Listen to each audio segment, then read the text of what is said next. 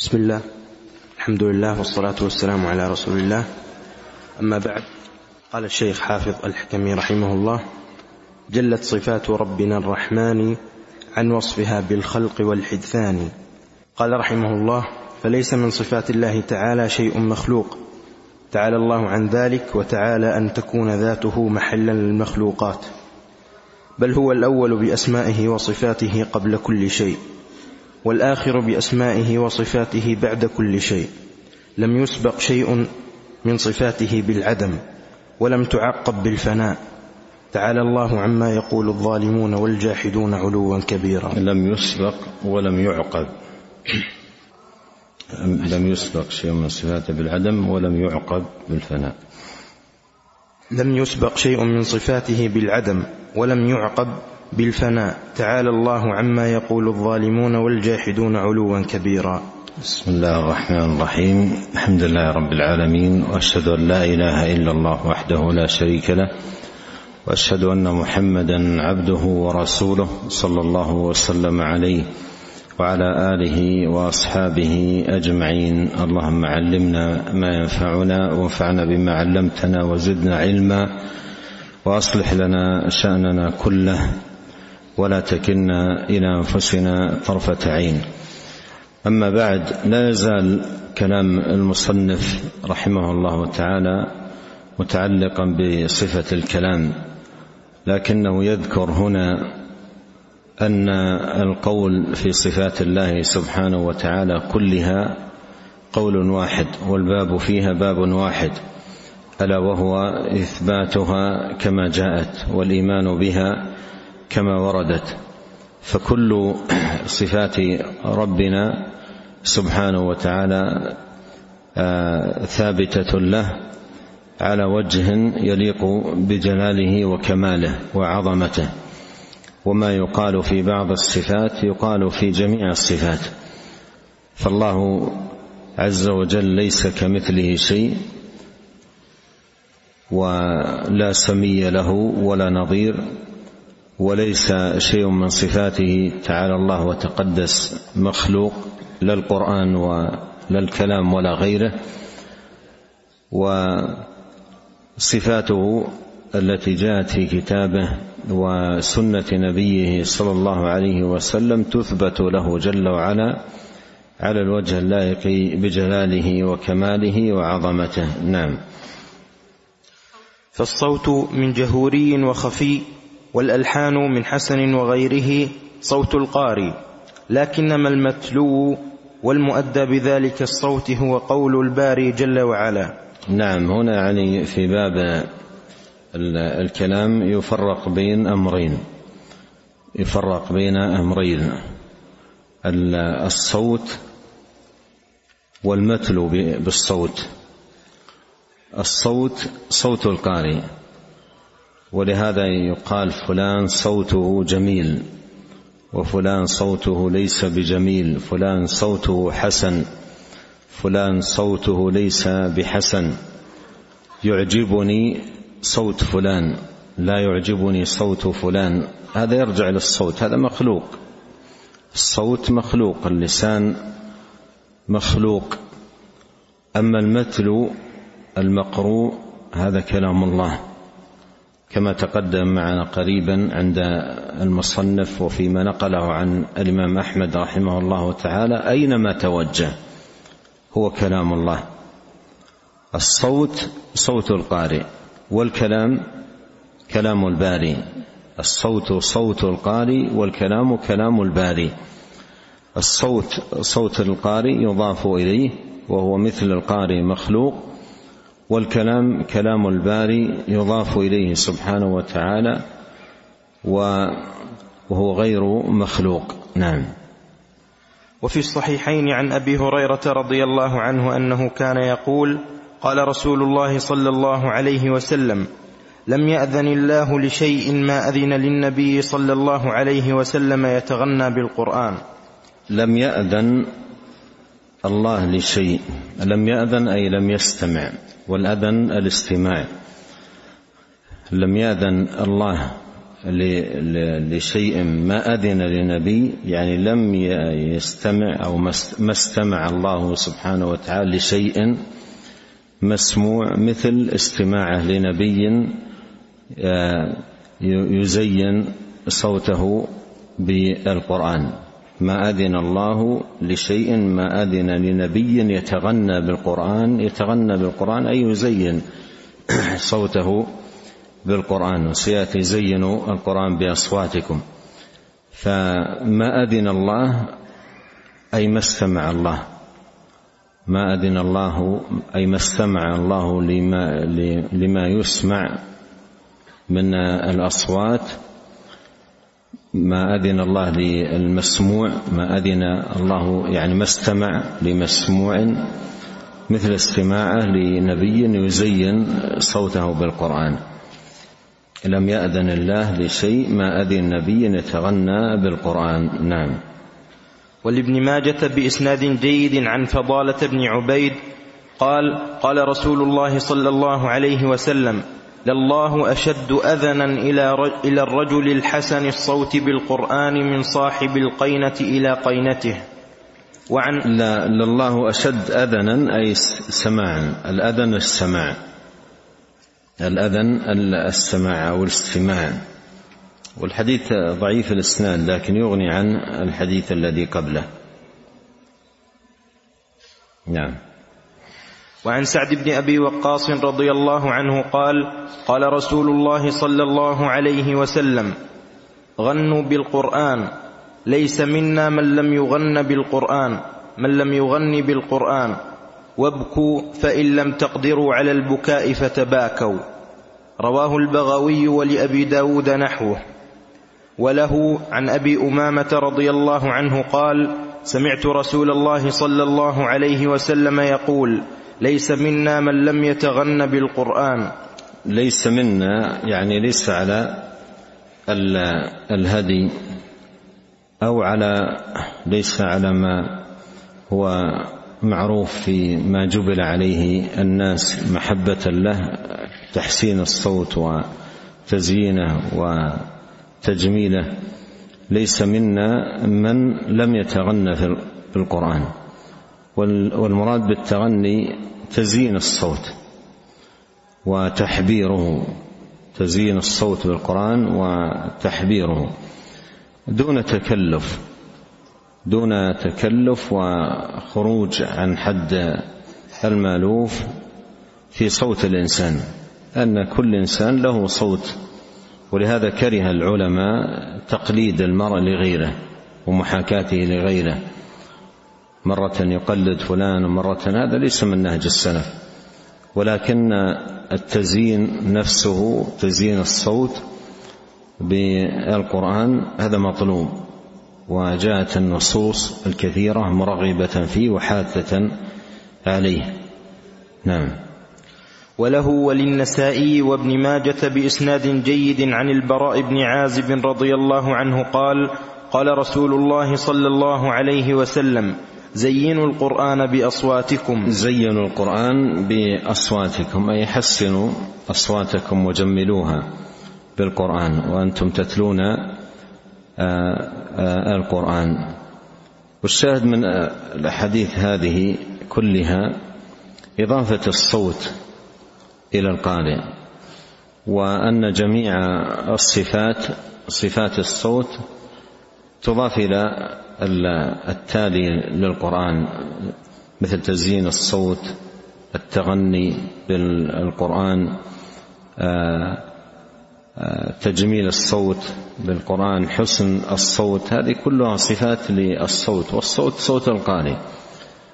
والقارئ وصوته وجميع صفات صوته مخلوقة. نعم. القارئ وصوت القارئ وجميع صفات صوته من جمال أو عدم حسن بالصوت أو عدم هذه كلها مخلوقة. أما المتلو الذي هو القرآن فهذا كلام الله سبحانه وتعالى. مثل ما قال السلف رحمهم الله الصوت صوت القارئ والكلام كلام الباري نعم. وفي الصحيحين عن جبير بن مطعم رضي الله عنه قال سمعت رسول الله صلى الله عليه وسلم يقرأ في المغرب بالطور فما سمعت أحدا أحسن صوتا أو قراءة منه. الحديث. الشاهد أحسن صوتا. نعم. ولابن ماجة عن جابر رضي الله عنه قال قال رسول الله صلى الله عليه وسلم إن من أحسن الناس صوتا بالقرآن الذي إذا سمعتموه يقرأ حسبتموه يخشى الله. قول في هذا الحديث حسبتموه يخشى الله. فيه فائدة عظيمة جدا وهي أن الإنسان لا يجزم لأحد بمجرد ما يسمع تخشعه وبكاءه أنه يخشى الله. لا يجزم لكن مثل ما قال حسبتموه. فحسبتموه فيه أن أن لا نزكي احدا. فإذا مثلا كان الشخص آه، يظهر عليه التأثر بالقرآن والبكاء ولا يجزم أنه من أهل الخشية ولكن يقال نحسبه. مثل ما في الحديث نحسبه من أهل الخشية نحسبه ممن يخشون الله سبحانه وتعالى نحسبه من أهل القرآن لكن لا نجزم. لا نجزم لأحد لأن التزكية أمرها عظيم كما قال الله سبحانه وتعالى فلا تزكوا أنفسكم. هو أعلم من اتقى الخشية في القلب. لكن إذا ظهرت لنا بعض آثارها أو شيء من آثارها قلنا نحسب فلان من أهل الخشية آه، نحسبه ولا, ولا نزكي على الله أحدا أو نحو ذلك. مثل ما في الحديث قال يقرأ حسبتموه. حسبتموه يخشى الله. نعم. ولأبي عبيد عن حذيفة بن اليمان قال قال رسول الله صلى الله عليه وسلم اقرأوا القرآن بلحون العرب وأصواتها وإياكم ولحون أهل الفسق وأهل الكتابين وسيجيء قوم من بعدي يرجعون بالقرآن ترجيع الغناء والرهبانية والنوح. لا يجاوز حناجرهم مفتونة قلوبهم وقلوب الذين يعجبهم شأنهم. نعم الحديث ضعيف لكن هذا المعنى هذا المعنى حق يعني والواجب الحذر منه الذي هو محاكاة المغنين في نغماتهم ومقاماتهم وما عندهم. هذا باطل القرآن أجل من ذلك وأعظم. نعم. وفي الصحيحين عن أبي موسى رضي الله عنه أن رسول الله صلى الله عليه وسلم قال يا أبا موسى لقد أوتيت مزمارا من مزامير آل داود. نعم مزمارا أي صوتا جميلا حسنا. نعم. ففي جميع هذه الأحاديث التصريح بإضافة الصوت والألحان والتغني إلى العبد لأنه عمله. والقرآن المؤدى بذلك الصوت هو كلام الله حقيقة وكذلك المهارة بالقرآن والتتعتع فيه هو فعل العبد وسعيه لما في الصحيح عن عائشة رضي الله عنها قالت قال رسول الله صلى الله عليه وسلم الماهر بالقرآن مع السفرة الكرام البررة والذي يقرأ القرآن ويتتعتع فيه وهو عليه شاق له أجران.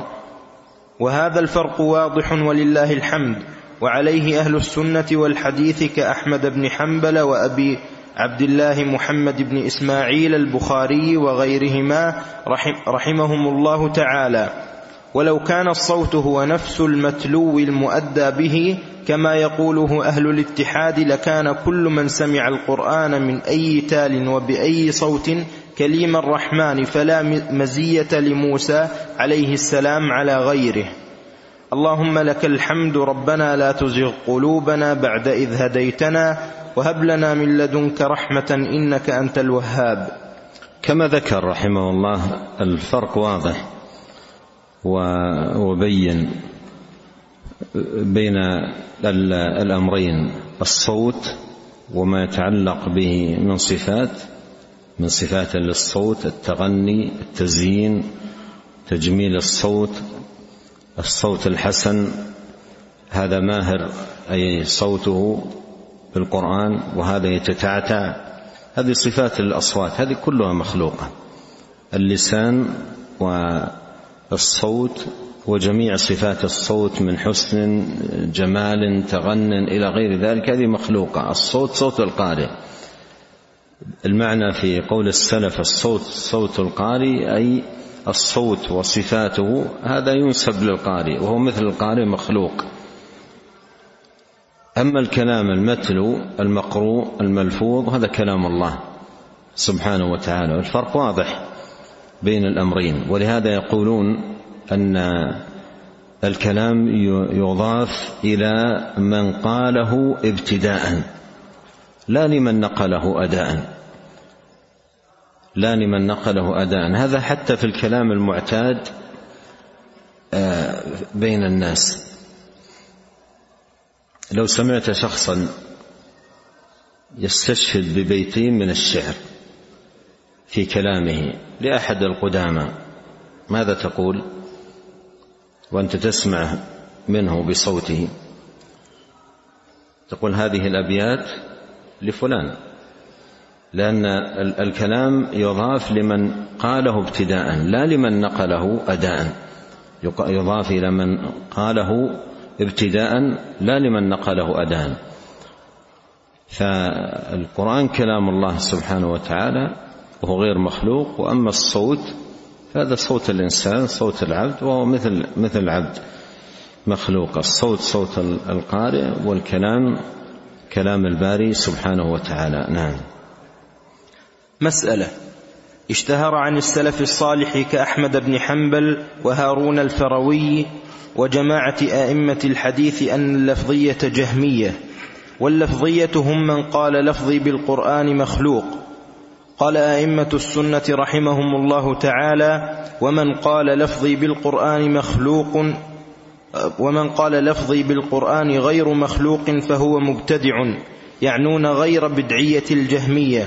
وذلك لأن اللفظ يطلق على معنيين. أحدهما الملفوظ به وهو القرآن وهو كلام الله ليس فعلا للعبد ولا مقدورا له. والثاني التلفظ وهو فعل العبد وكسبه وسعيه. فإذا أطلق لفظ لفظ الخلق على المعنى الثاني شمل الأول وهو قول الجهمية. وإذا عكس الأمر بأن قال لفظي بالقرآن غير مخلوق شمل المعنى الثاني وهي بدعة أخرى من بدع الاتحادية. وهذا ظاهر عند كل عاقل فإنك نعم. هنا يذكر مسألة تتعلق بما سبق وهي اللفظ. اللفظ بالقرآن. اللفظ بالقرآن. هل هو مخلوق أو غير مخلوق؟ اللفظ بالقرآن. هل هو مخلوق أو غير مخلوق؟ آه، مثل اللفظ القراءة ومثل القراءة التلاوة. هل يقال في في هذا أنه مخلوق أو ليس بمخلوق؟ في هذا المقام ينبه آه، آه، العلماء رحمهم الله تعالى على بدعة نشأت على أيدي الجهمية توصلا إلى ما يقررونه في القرآن من أنه ليس كلام الله وأنه مخلوق. فدخلوا على الناس من اللفظ هل اللفظ مخلوق أو ليس مخلوق؟ ولهذا قال السلف اللفظية جهمية لأن أصلا هذا الكلام إنما نشأ على أيديهم. اللفظ بالقرآن غير آه، آه، آه، اللفظ بالقرآن هل هو مخلوق أو ليس مخلوق هذا إنما نشأ على أيدي هؤلاء للتوصل إلى بدعتهم الباطلة التي وضلالتهم الباطلة التي يقول بخلق القرآن. ومثل ما نبه المصنف رحمه الله تعالى اللفظ هذه الكلمة ومثلها التلاوة والقراءة اللفظ يطلق لأن يعني اللفظ هذا مصدر يطلق ويراد به الملفوظ المقروء المتلو ويطلق أيضا ويراد به التلاوة والقراءة الذي هو فعل القارئ صوت القارئ. كلمة اللفظ والقراءة والتلاوة هذه هذه الكلمات تطلق ويراد بها الملفوظ نفسه المتلو الذي هو كلام الله ويراد بها الصوت الذي هو عمل القارئ. فإذا قال القائل هذه المسألة هل اللفظ بالقرآن مخلوق؟ أو لفظي بالقرآن هل هو مخلوق أو ليس مخلوق؟ إذا قال المجيب مخلوق فهذا ضلال وإذا قال غير مخلوق أيضا هذا ضلال. لماذا؟ لأن الكلمة تحتمل معنيين ومثل هذه الألفاظ المحتملة الحق فيها مثل ما قال العلماء بالتفصيل يستبين السبيل. ما يصح الجواب المطلق أو الجواب المجمل لا بد أن يفصل. فإذا قيل هل اللفظ بالقرآن مخلوق أو ليس بمخلوق يقال ماذا تريد باللفظ؟ ماذا تريد باللفظ؟ إن, إن كنت تريد باللفظ الملفوظ المقروء المتلو فهذا إيش؟ نعم. غير مخلوق هذا كلام الله سبحانه وتعالى. وإن كنت تريد باللفظ الصوت صوت القارئ وحركة لسانه وفعله فهذا مخلوق لا بد من التفصيل. ولهذا يقول الشيخ رحمه الله لأن اللفظ يطلق على معنيين. أحدهما الملفوظ به وهو القرآن وهو كلام الله. ليس فعلا للعبد ولا مقدورا له. والثاني التلفظ. وهو فعل العبد وكسبه وسعيه. فإذا أطلق لفظ الخلق على المعنى الثاني إذا أطلق لفظ الخلق على المعنى الثاني شمل الأول لأن كلمة لفظ تشمل المعنيين وهو قول الجهمية. وإذا عكس الأمر بأن قال لفظي بالقرآن غير مخلوق شمل المعنى الثاني وبدعة أخرى. لفظي بالقرآن غير مخلوق يشمل المعنى الثاني أي أن صوت القارئ نفسه ماذا؟ غير مخلوق وهذا باطل.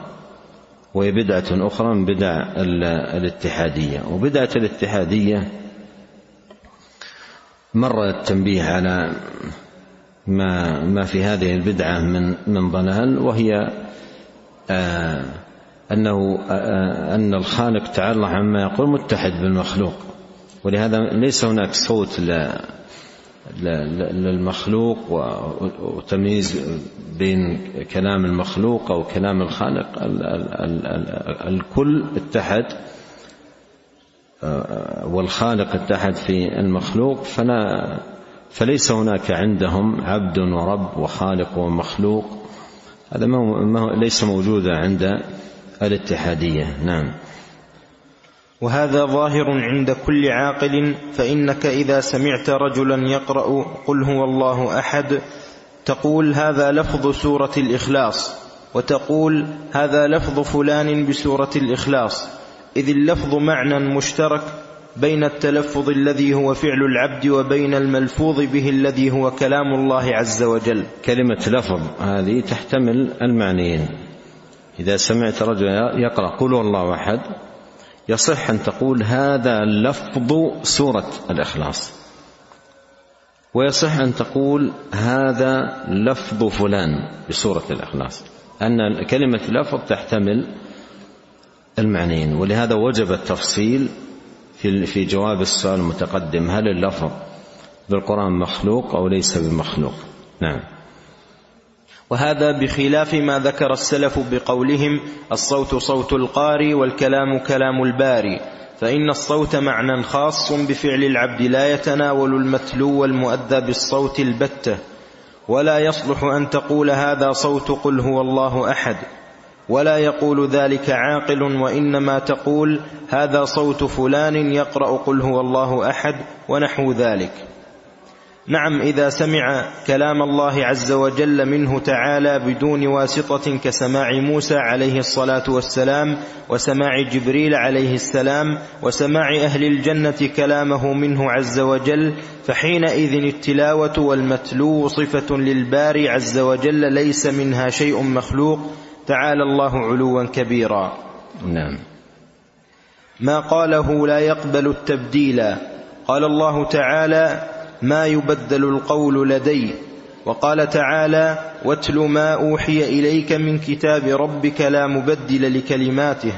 وقال تعالى وتمت كلمة ربك صدقا وعدلا لا مبدل لكلماته وهو السميع العليم. وقال تعالى لا تبديل لكلمات الله. كلا أي لا يكون ذلك ولا أصدق منه أي من الله تعالى. قيل أي قولا وهو تمييز محول عن اسم لا. محول. محول عن اسم لا. الله والتقدير لا قيل أصدق من قيله. قال تبارك وتعالى الله لا إله إلا هو ليجمعنكم إلى يوم القيامة لا ريب فيه ومن أصدق من الله حديثا. وقال تعالى في الآية الأخرى ومن أصدق من الله قيلا. أي من أصدق من الله تعالى في حديثه وخبره ووعده ووعيده. الجواب لا أحد. والجواب عندي.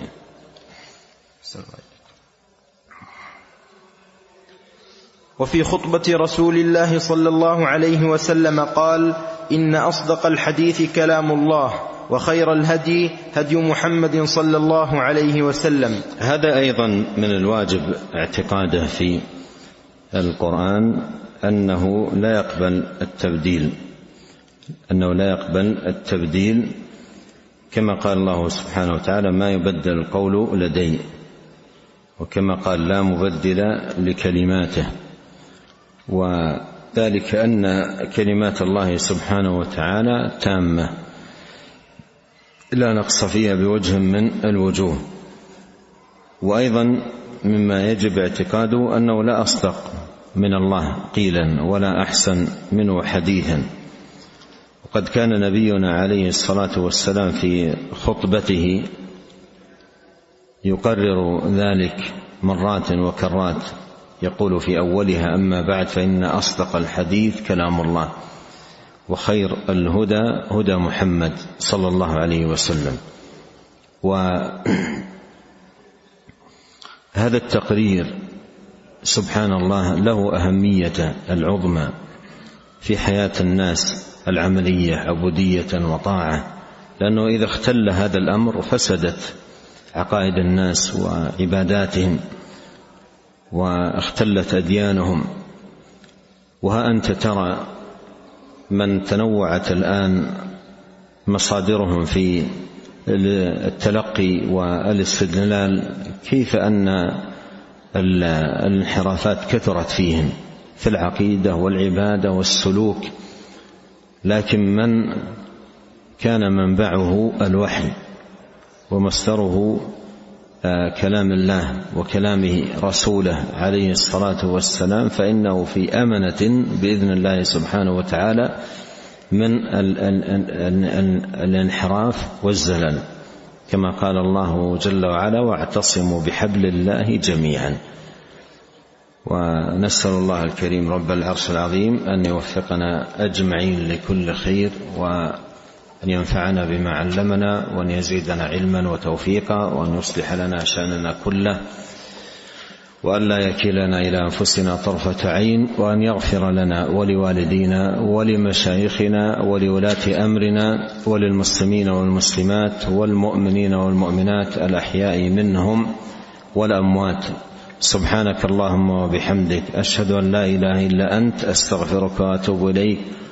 اللهم صل وسلم على عبدك ورسولك نبينا محمد وآله وصحبه. جزاكم الله خيرا.